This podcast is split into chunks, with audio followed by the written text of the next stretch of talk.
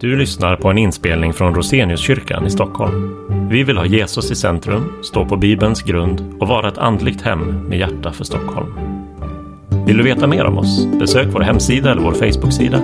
Och välkommen på en gudstjänst.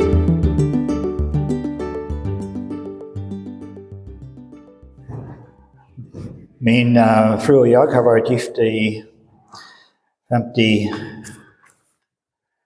år. Um, men um, nu har jag skrivit en, en bok om singellivet. men jag har fått lite hjälp um, tillsammans med min kollega på Strandhem, uh, Gunilla Ludvigsen, har vi um, uh, jobbat uh, i sex år på denna bok. Uh, hon har berättat uh, sin historia uh, som singel.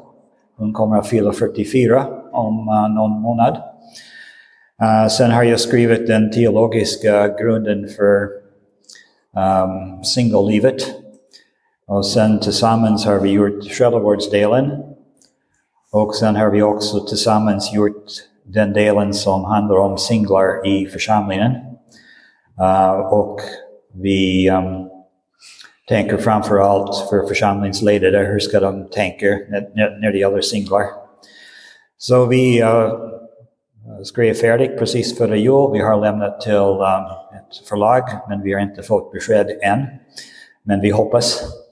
Uh, det finns ingen bok på singellivet utifrån ett kristet perspektiv på svenska. Det finns mycket på engelska, men inte på svenska. Så um, vi tror att det um, kan vara ett viktigt bidrag till uh, församlingsliv här i Sverige. men det är inte min första bok. Min um, fru och jag skrev en um, arbetsbok som heter Lär känna varandra. Uh, och det är en um, bok som blev ett resultat av min doktorsavhandling. När jag läste och doktorerade på Dallas Seminary i USA så hade jag som avhandlingsämne att förbereda förlovade och gifta par för äktenskapet i Sverige. Och det blev ett häfte med uh, över 500 frågor uh, som paren skulle jobba med uh, för att lära känna varandra. Och sen många år senare så har vi um, jobbat um, omarbetat och nu är det som en arbetsbok. Så jag har några ex. Um, om ni vill ge till någon som um, går in i äktenskapet antingen som förlovningspresent eller bröllopspresent så är det en uh, väldigt bra present. 160 kronor och uh, 300 kronor för två stycken. Där båda två får ett ex. uh, vårt ämne nu um, i eftermiddag, första passet, handlar om um, um, hinder som kan dyka upp i ett äktenskap. Um, som vi tog upp under um, gudstjänsten så har Gud tänkt igenom hur äktenskapet ska vara. och uh, hans um, syfte med äktenskapet, det som är ett mål, är att uh, det finns enhet i relationen. Um, att det finns harmoni. Och, och man kan säga att um, så blev det. Uh, om vi tar uh, bibelordet som uh, kommer direkt efter kapitel 12, vers 24, uh, eh, så, så står det och mannen och hans hustru var båda nakna utan att liggas för varandra. De hade det bra. Det var harmoni. Uh, eh, en total öppenhet med Gud, en öppenhet gentemot varandra, öppenhet när det gällde att, uh, hur de såg på sig själva. Um, precis som Gud hade tänkt. Men det var paradiset. Efter paradiset blev allt förändrat. Och det handlar om syndafallet. Och min, um, min tanke inför det här passet är att lägga ett fokus på uh, kapitel 3, vers 16, men det kan vara bra att få ett, um, ett litet sammanhang för det. Det blir ett samtal i, um, eh, i paradiset um, mellan um, ormen och kvinnan. Och då blir hon utsatt för frestelse. Uh, dels så handlar det om att um, Gud är inte Gud och generös. Den andra delen var att um, uh, förneka Guds ord. Det som Gud har sagt, nej det gäller inte. Och för det tredje, att, um, att uh, förakta Guds karaktär. Um, syftet med denna frestelse var att förstöra allt som Gud hade tänkt. Och man kan säga när man går in i ett äktenskap så kommer vi att bli utsatt för frestelse. Den onda vill ställa till det i våra liv. Och hans syfte är att förstöra allt som Gud har tänkt. Så man kan säga att vi går in i en andlig kamp när vi gifter oss. Särskilt om vi har andlig enhet, både jag och min hustru. Och vi har för avsikt frälslig enhet och kroppslig enhet. Om, om, om, det är det som vi vill i vårt äktenskap, förr eller senare så kommer dessa frestelser där den onda ställer till det. Um, det, det är en andlig kamp. Och sen det blev ett faktum, syndafallet blev ett faktum i vers 6. Uh, ehm, där både mannen och kvinnan föll. Och när, när syndafallet är ett faktum, när vi syndar i våra liv så finns det alltid konsekvenser. Och det blev konsekvenser inte minst i deras relation. Den första konsekvensen i vers 7 och 8 är skam. Skam är en känsla av, jag, jag vet att det finns någonting fel med mig. Men när det som är fel med mig, jag blir avslöjad inför någon annan. Och någon annan vet att det finns någonting fel med mig. När jag har blivit avslöjad, då kommer skam. Och skam i sig har sina konsekvenser i relationer. Den andra konsekvensen är rädsla. Um, vers 9 och 10. Adam säger, och jag blev rädd. Det finns en rädsla att när jag blivit avslöjad inför någon annan och någon annan har sett att det finns någonting fel med mig. Um, kommer den personen att förkasta mig? Och det är det som Adam upplever här. Han har blivit avslöjad inför Gud. Kommer Gud att förkasta mig? Kommer han att avvisa mig? Rädsla kan ställa till det också i våra relationer. Och det är en konsekvens av syndafallet.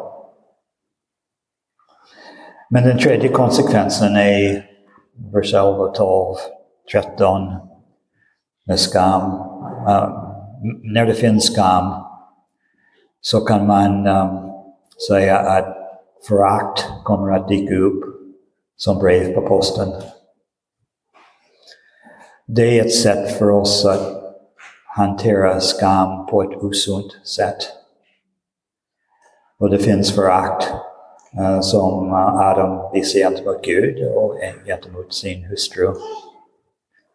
Men det finns också en tendens att skuldbelägga den andra. Så skam, skuld, förakt, rädsla är alla konsekvenser eh, som kan sätta spår i våra relationer. Men som sagt så vill jag sätta huvudfokus i detta pass på vers 16 i kapitel 3, som också är en konsekvens av syndafallet. Till kvinnan sa han, jag ska göra din möda stor när du blir havande. Med smärta ska du föda dina barn. Till din man ska din lust vara och han ska råda över dig. Och det är särskilt den sista delen av vers 16 som är av intresse för oss idag.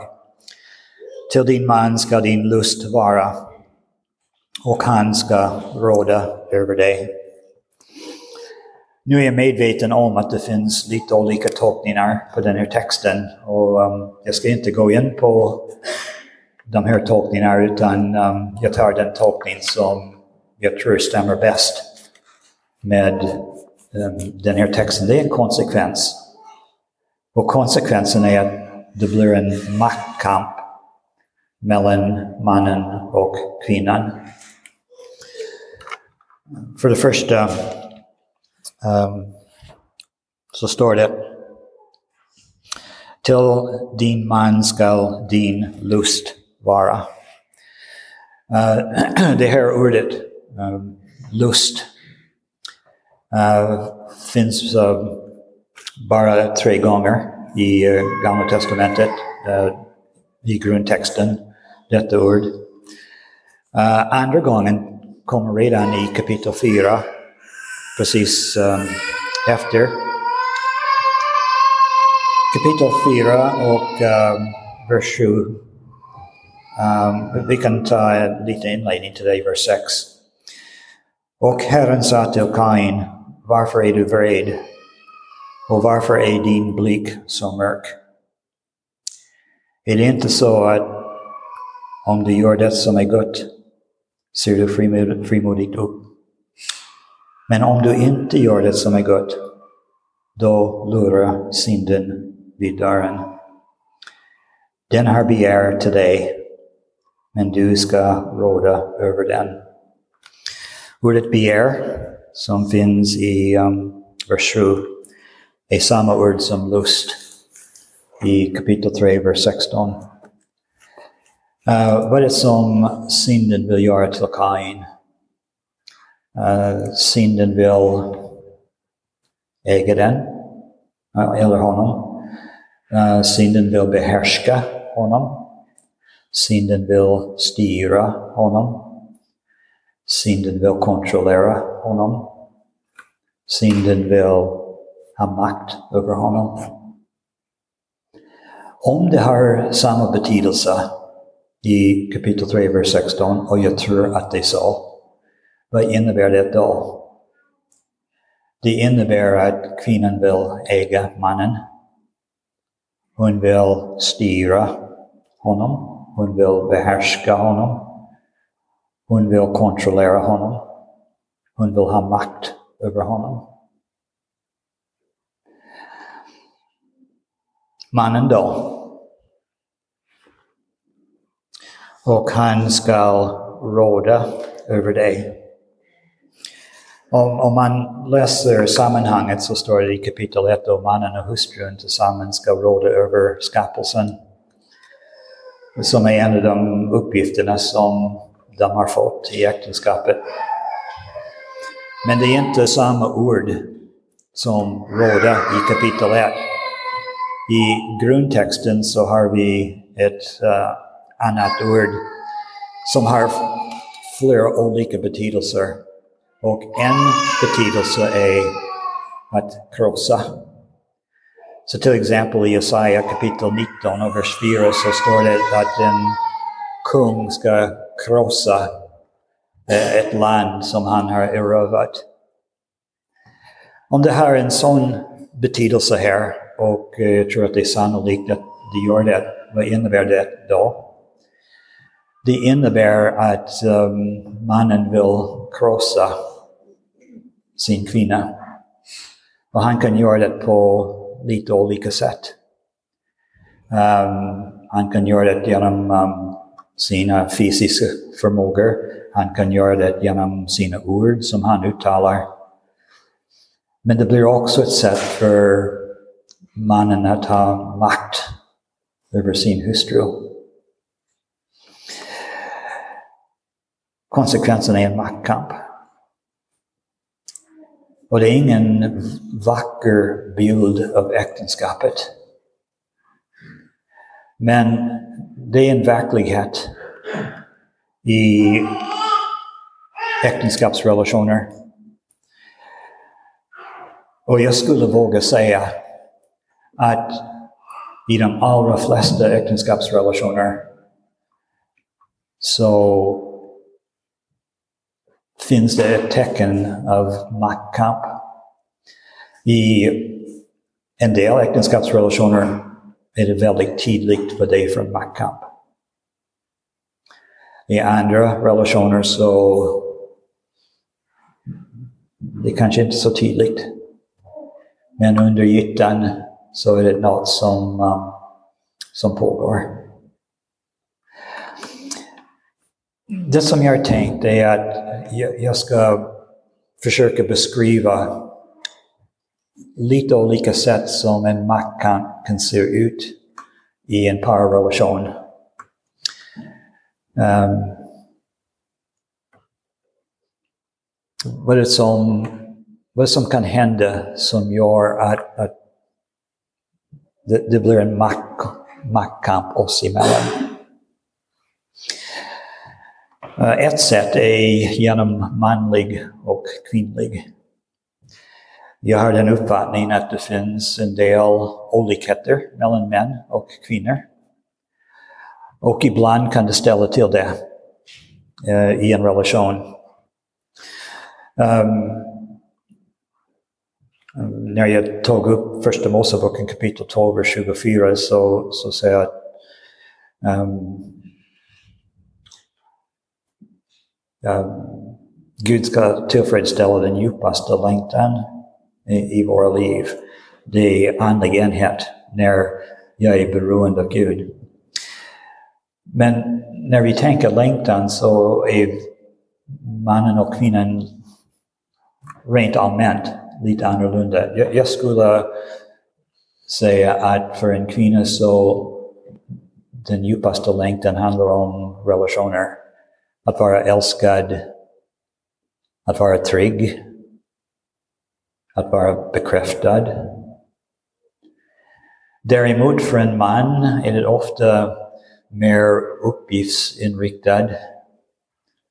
Um, ett projekt, en mission, en uppgift, ett mål. Någonting som man ska uppnå, där det blir något resultat.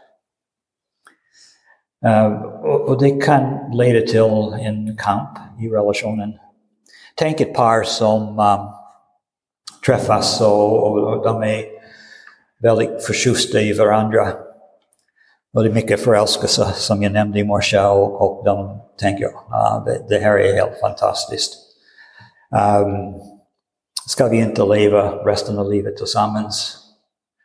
Och de förlovar sig. Och sen är det um, bröllopsdagen.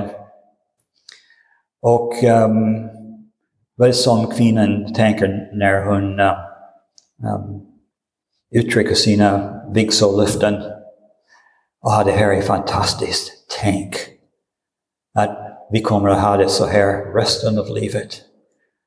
Helt underbart. Vad som mannen tänker. Kanske inte helt medvetet. Um, nu har jag uppnått mitt mål. Nu är jag gift. Vad är nästa mål i mitt liv? Och två eller tre år senare så ställer kvinnan frågan, vart har den mannen tagit vägen som älskade mig så mycket innan vi gifte oss? Och vad är det som hon gör då? Hon försöker få honom tillbaka. Uh, att, att bli den mannen som han var innan. Och vad är det som händer då?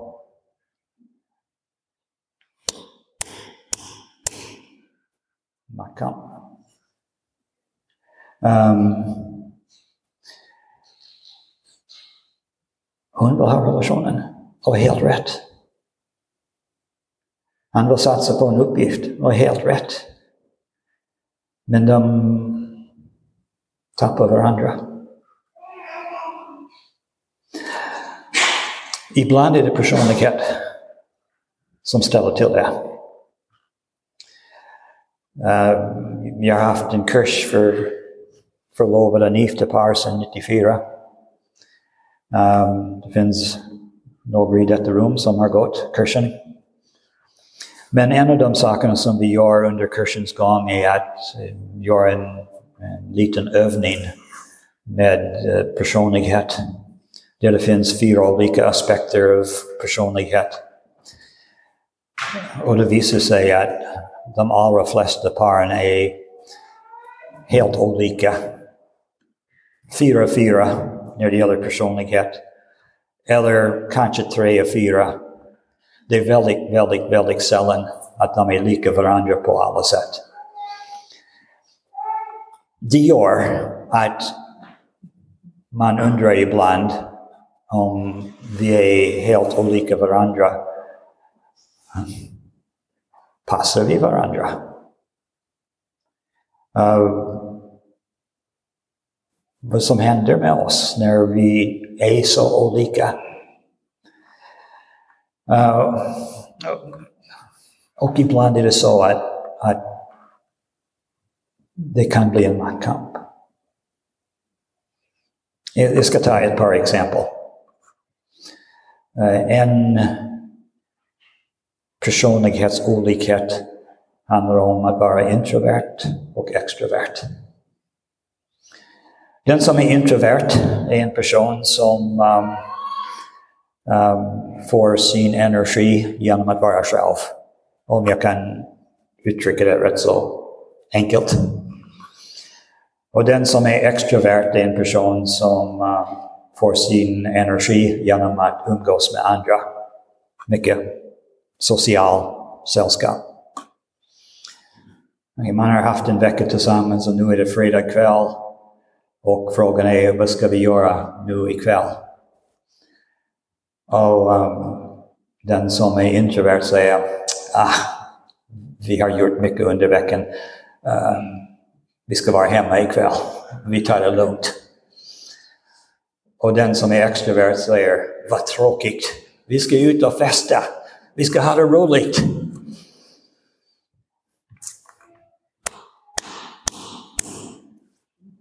Det finns risk för en maktkamp. Vad, vad gör vi? Introvert, extrovert. Eller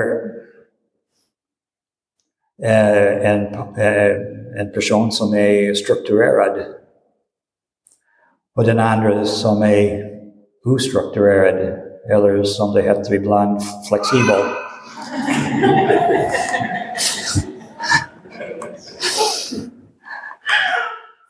Den som är strukturerad,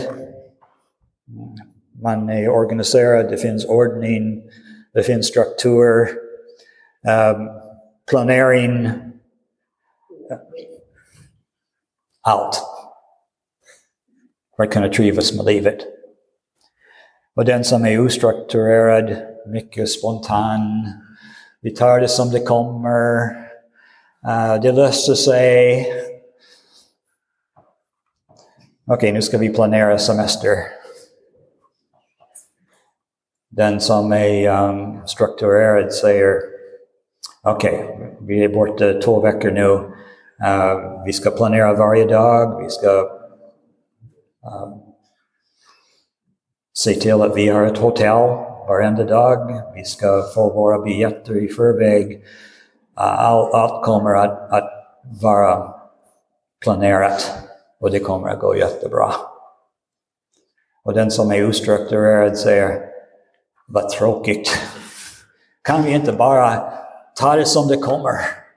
Det, det är spännande så, men det är jättetråkigt om vi måste planera allt i förväg. Okay. Risk för maktkamp som dyker upp.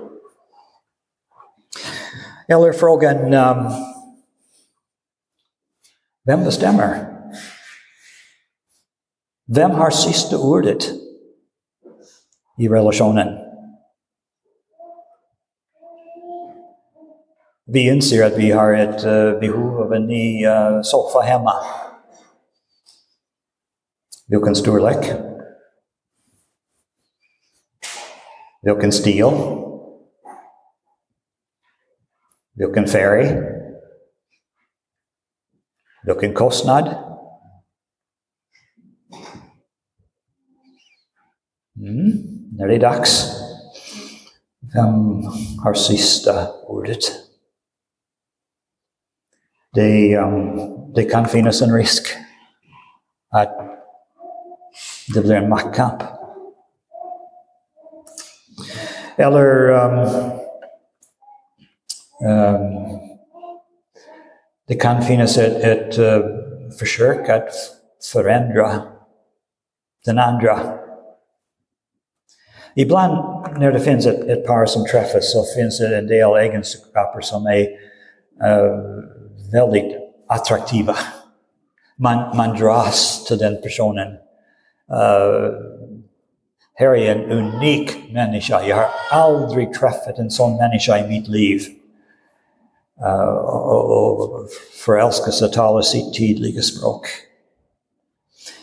Um, men sen när man har varit ihop ett tag så kan det hända att det som var så attraktivt i inledningen av vår relation, uh, det blir mer föraktfullt. Jag träffade en person som um, det är extrovert, social, uttrycker sig, pratar mycket, um, mycket känslor. Och det är något som känns helt fantastiskt. Men sen efter något år kan du inte hålla tyst nu. Um, jag vill ha lite lugn och ro. Um, så, så det som är så positivt inledningsvis kan leda till att, att det blir en, en maktkamp i relationen. Eller ibland är det så att vi kommer från um, helt olika bakgrunder. Uh, vi har olika traditioner. Tänk på en person som um, kommer från en bakgrund när um, hela släkten ska samlas när det finns något att fira. Födelsedag, namnsdag, bröllopsdag. När, när det är dags så skickar man en inbjudan till hela släkten och hela släkten är på plats och, och det är ett fantastiskt bra firande. Men sen finns det personer som kommer från um, familjer och släkter där uh, även om det finns en födelsedag så är det som vilken dag som helst. Det är bara en vanlig dag. Tänk att två personer träffas och, och, och gifter sig. Um, uh, och under första året i äktenskapet Uh, den som uh, kommer från um, en släkt där man uh, firar allting. Det är hennes födelsedag. Och det går hela dagen och hon blir inte uppvaktad av sin partner. Och klockan nio på kvällen så kan den personen ställa frågan um, Vet du vilken dag det är idag? Ja, det är din födelsedag. Men du har inte uppvaktat mig. Nej, det är som vilken dag som helst. Um, där, då finns en risk för Mackan. Eller um, när man lever i ett, ett förhållande så finns det jättestora risker för sår. Att man blir, man blir sårad i relationen. Och det är inte konstigt att det är så. Eftersom vi är ofullkomliga. Det finns inte en enda av oss som är perfekt. Och det gör att uh, vi säger saker, vi gör saker, vi har uh, vissa inställningar som gör att den andra blir sårad. Och vad vi gör med dessa sår har stor betydelse. Det finns en del par som, som har en förmåga att, att hantera dem. Det, det blir en förlåtelseprocess, det är en försoningsprocess.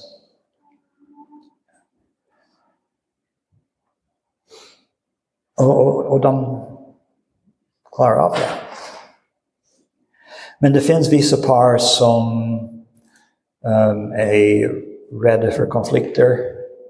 Um, de vågar inte ta tag i det som händer i relationer.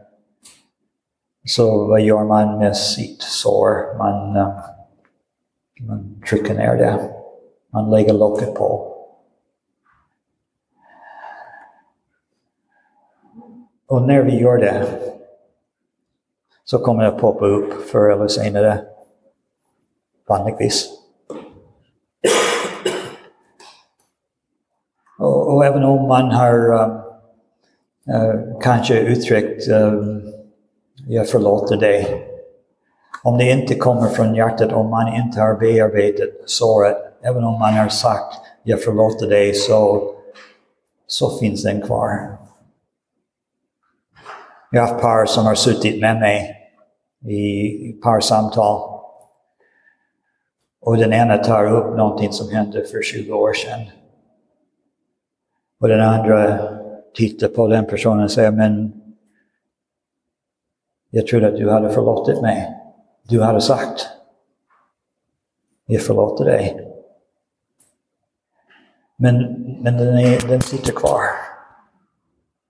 Det gör fortfarande ont, även många, många år senare. Men när det kommer upp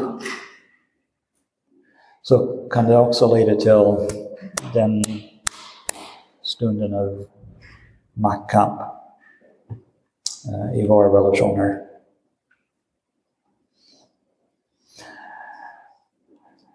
Livet kan ställa till det. Um, när vi minst förväntar oss. Um,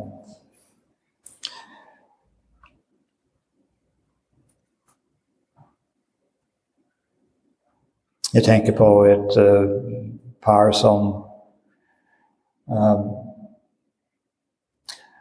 hamnade i en situation där uh, mannen var, vad ska man säga, um, inte så försiktig med en del uh, maskiner som var väldigt dyra. Där det blev skada. Och då var hans tanke, uh, ska jag berätta för min hustru eller inte? Uh, om, om jag berättar för henne det som har hänt så, så kommer hon att anklaga mig att nu har jag inte varit försiktig igen. Uh, så det är kanske bäst att inte berätta för henne. Och det gör han inte. Men hon får reda på det. Och eh, anklagar honom för att hålla saker och ting hemligt. Um, han mådde inte alls bra efter att ha blivit utskälld av henne. Samma sak händer igen. Och då tänker han att um, okej, okay, det är kanske bäst att uh, berätta för henne. Han berättar för henne och uh, han blir utskälld ordentligt igen. Och det känns inte alls bra. Sen hände det samma sak en tredje gång. Och uh, då måste han överväga, ska jag berätta för henne eller inte? Det är ett jättesvårt beslut. För han vet om han berättar det kommer inte att gå bra. Um, men om han inte berättar, då finns en chans att han klarar sig. Så han landar i beslutet, jag ska inte berätta för henne. Och tiden går. Och hon får reda på det. Och då går hon igång. Hon är jättearg.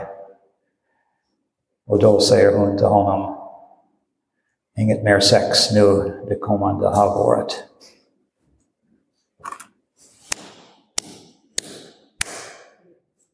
Maktkamp.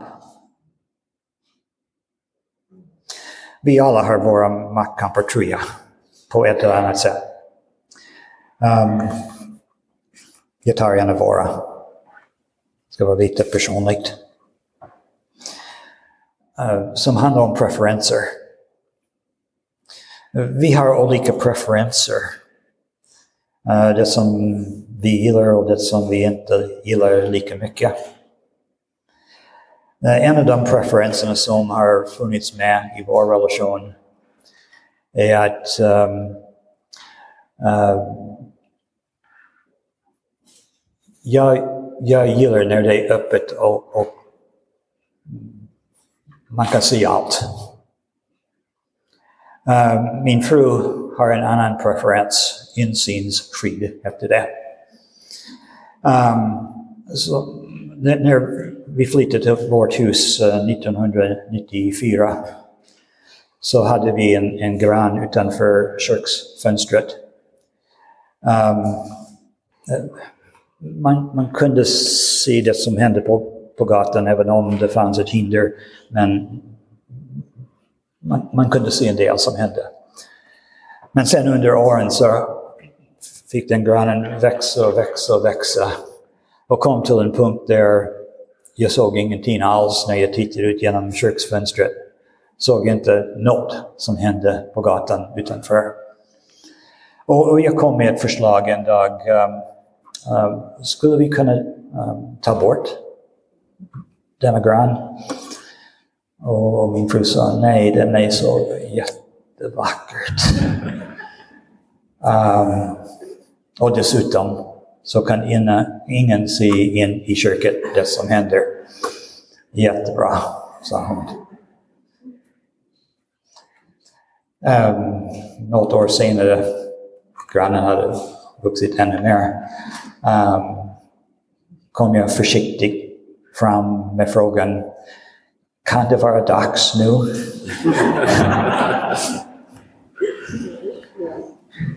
Nej.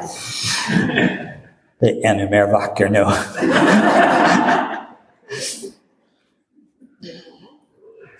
Så, um, den växte och växte och växte.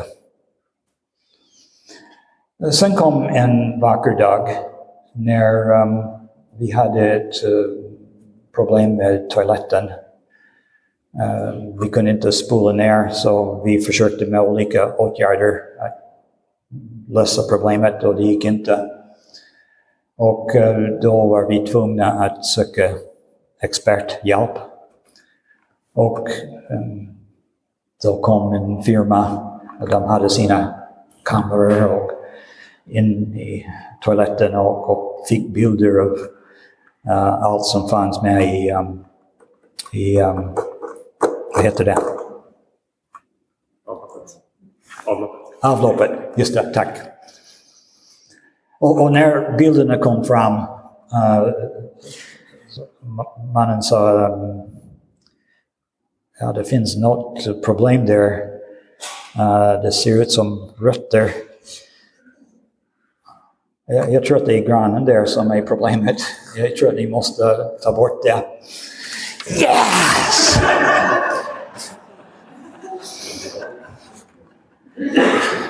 Det var en dag av stor sorg för min fru när de kom och uh, tog bort den. Och jag tänkte, okej, okay, uh, nu har vi inte den maktkampen längre. Livet är fint. Tills den dagen hon eh, kom med ett förslag. Um, nu är det dags att plantera något nytt. Jag höll anden um, och, och vi köpte något uh, och planterade. Men det var just den våren när det var väldigt, väldigt kallt i april, maj och den lilla busken blev brun, hade dött. Uh, jag tyckte så synd om min fru. Um, um, nu är vi inne i det läget, okej, okay, vi har inte landat än. Okay. Preferenser. Preferenser kan ställa till det på olika sätt. Och, och det finns en del annat i livet också som kan ställa till det. Um, maktkamp kan vara en konsekvens. Um, ska vi ta en stund och, och prata lite med um, vad det som kan ställa till det i den relationen som jag befinner mig i. Om du inte är i en relation får du tänka utifrån mitt perspektiv om jag fanns med i en relation. Vad som skulle kunna vara ett hinder utifrån det som jag vet om mig själv. Um, och, och, och prata en stund kring det. Har ni uppfattat frågeställningen? Ja. Uh, ni får tänka uh, skam, rädsla, förakt, skuldbeläggning och, och sen kanske framför allt det här med uh, maktkamp. Vad finns det för tendenser som kan ställa till det i, i våra relationer? Okej? Okay?